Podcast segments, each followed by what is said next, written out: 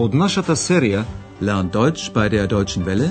Учете германски со Deutsche Welle, чујте ја серијата Deutsch, warum nicht? Германски зошто не?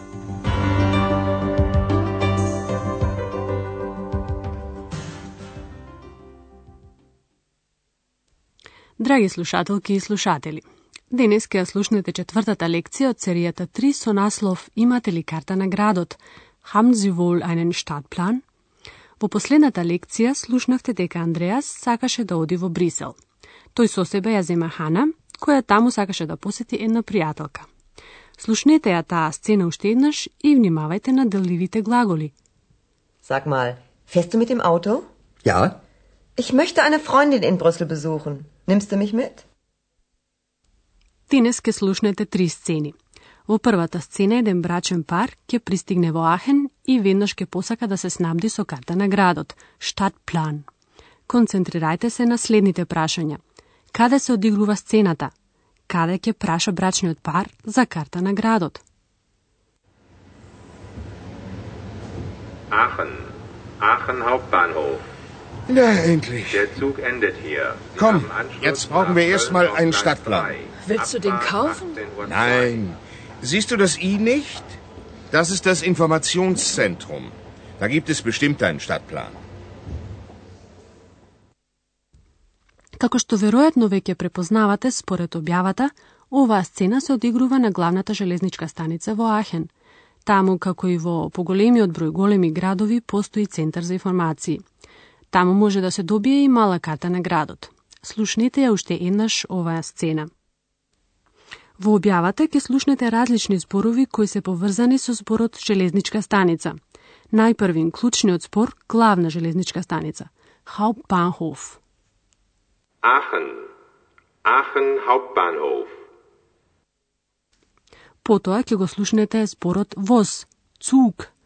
Овде е последната станица на возот. Der Zug endet hier. Ќе дознаете на кој перон, глајс, имате приклучок, аншлус, за друг град и кога поаѓа возот. Имате приклучок за Келн на третиот перон. Sie haben Anschluss nach Köln auf Gleis 3. Ќе го дознаете и точното време на поаѓање. Поаѓање во 18 часот и 2 минути. Abfahrt 18 Uhr 2. Брачниот пар е среќен што по долго патување пристигна во Ахен и тие веднаш сака да се обезбедат карта на градот. Na endlich. Komm, jetzt brauchen wir erst mal einen Stadtplan.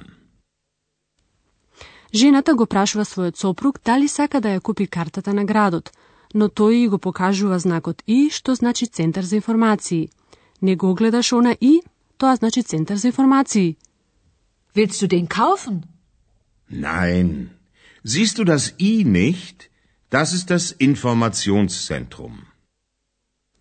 Мажот е сигурен дека таму ќе добие карта од градот. Da gibt es bestimmt einen Stadtplan. Брачниот пар сега се наоѓа во Центарот за информации.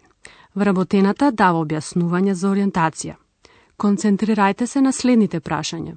Што објаснува вработената? Што прашува?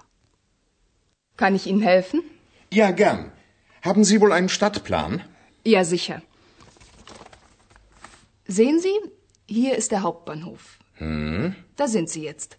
Und das hier ist die Innenstadt. Sagen Sie, haben Sie denn schon ein Hotel? Ja, das Hotel Europa. Ah, das liegt gleich hier. Wie praktisch. Na wunderbar. Vielen Dank.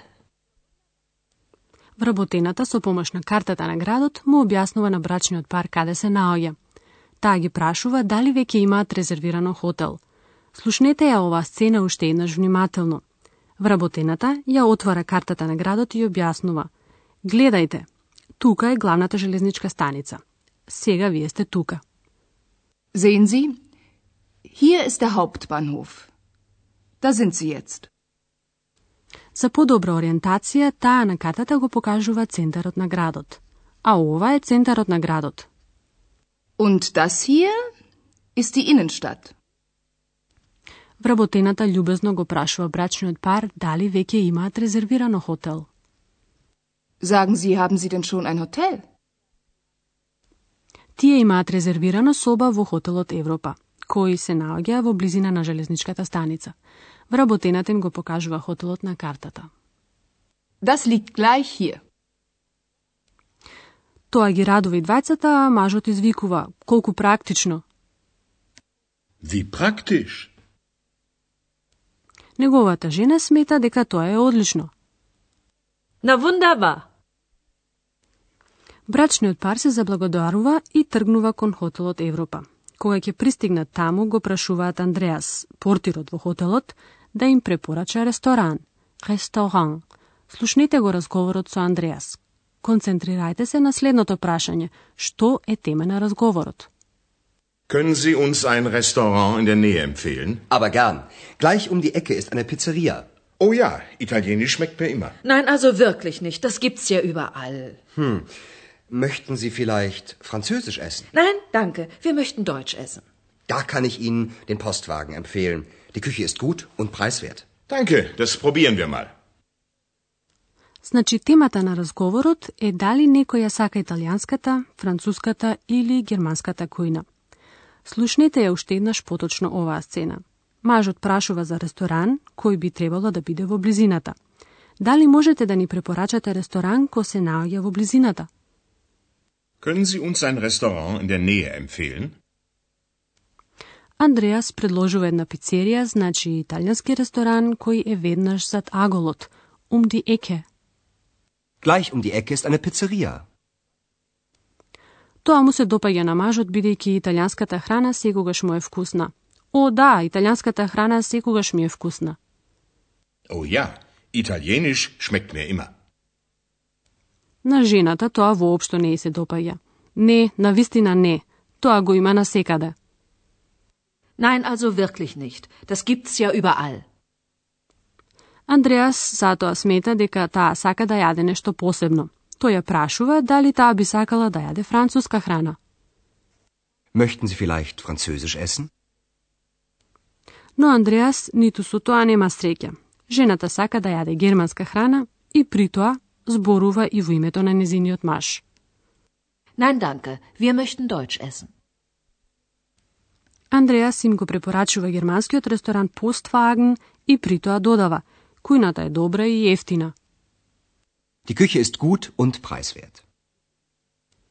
Да се надеваме дека ќе им се допадне јадењето таму. Сега ќе се навратиме на граматиката и ќе ви ги објасниме членовите во германскиот јазик.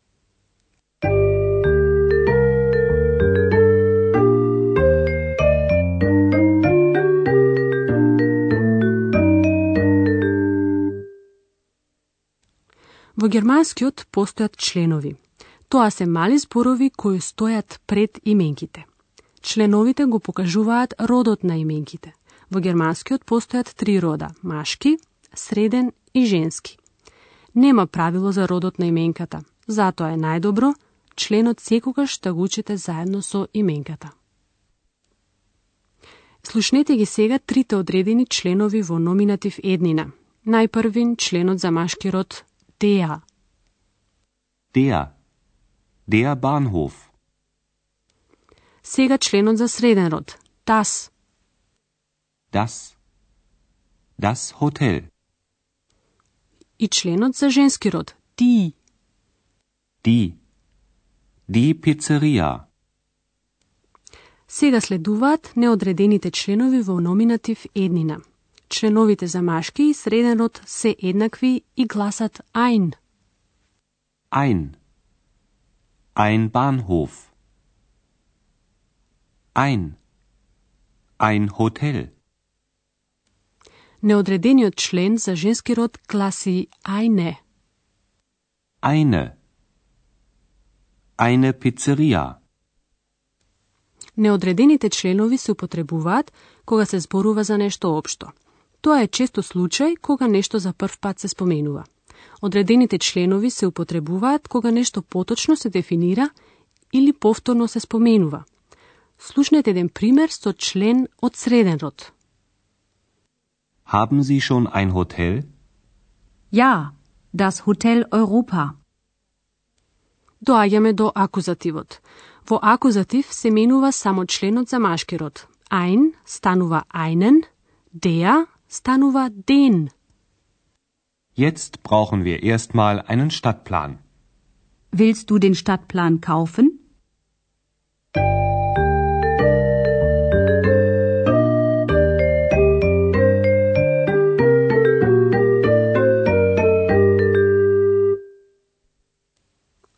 А сега за крај, слушнете ги уште еднаш трите сцени. Седнете удобно и слушајте внимателно.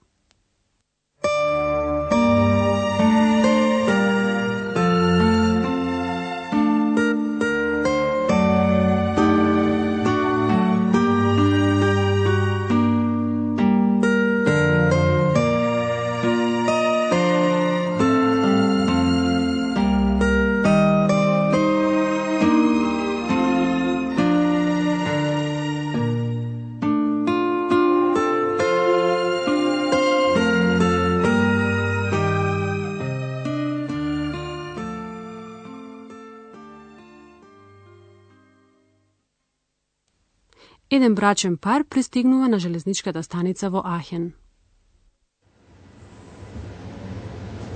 Aachen. Aachen Hauptbahnhof. Na, endlich. Der Zug endet hier. Sie Komm, haben Anschluss jetzt brauchen wir nach erst mal Köln einen auf Gleis Stadtplan. 3. Willst du den Abfahrt kaufen? 18.02 Uhr. Nein. Siehst du das I nicht? Das ist das Informationszentrum. Da gibt es bestimmt einen Stadtplan. Една вработена во Центарот за информации му помага на брачниот пар да се ориентира со помош на картата на градот. Kann ich Ihnen helfen? Ja, gern. Haben Sie wohl einen Stadtplan? Ja, sicher. Sehen Sie, hier ist der Hauptbahnhof. Da sind Sie jetzt. Und das hier ist die Innenstadt. Sagen Sie, haben Sie denn schon ein Hotel? Ja, das Hotel Europa. Ah, das liegt gleich hier. Wie praktisch. Na wunderbar. Vielen Dank. Во хотелот Европа брачниот пар прашува за ресторан кој би бил во близина. Können Sie uns ein Restaurant in der Nähe empfehlen? Aber gern. Gleich um die Ecke ist eine Pizzeria. Oh ja, italienisch schmeckt mir immer. Nein, also wirklich nicht. Das gibt's ja überall. Möchten Sie vielleicht Französisch essen? Nein, danke. Wir möchten Deutsch essen. Da kann ich Ihnen den Postwagen empfehlen. Die Küche ist gut und preiswert. Danke, das probieren wir mal. Во следната емисија Андреас ќе го слави својот роден ден. До тогаш, до слушање. Тоа беше германски Зошто не? Радиоговорен курс на Херат Мезе во продукција на Дојче Веле и на Гетовиот институт од Минхен.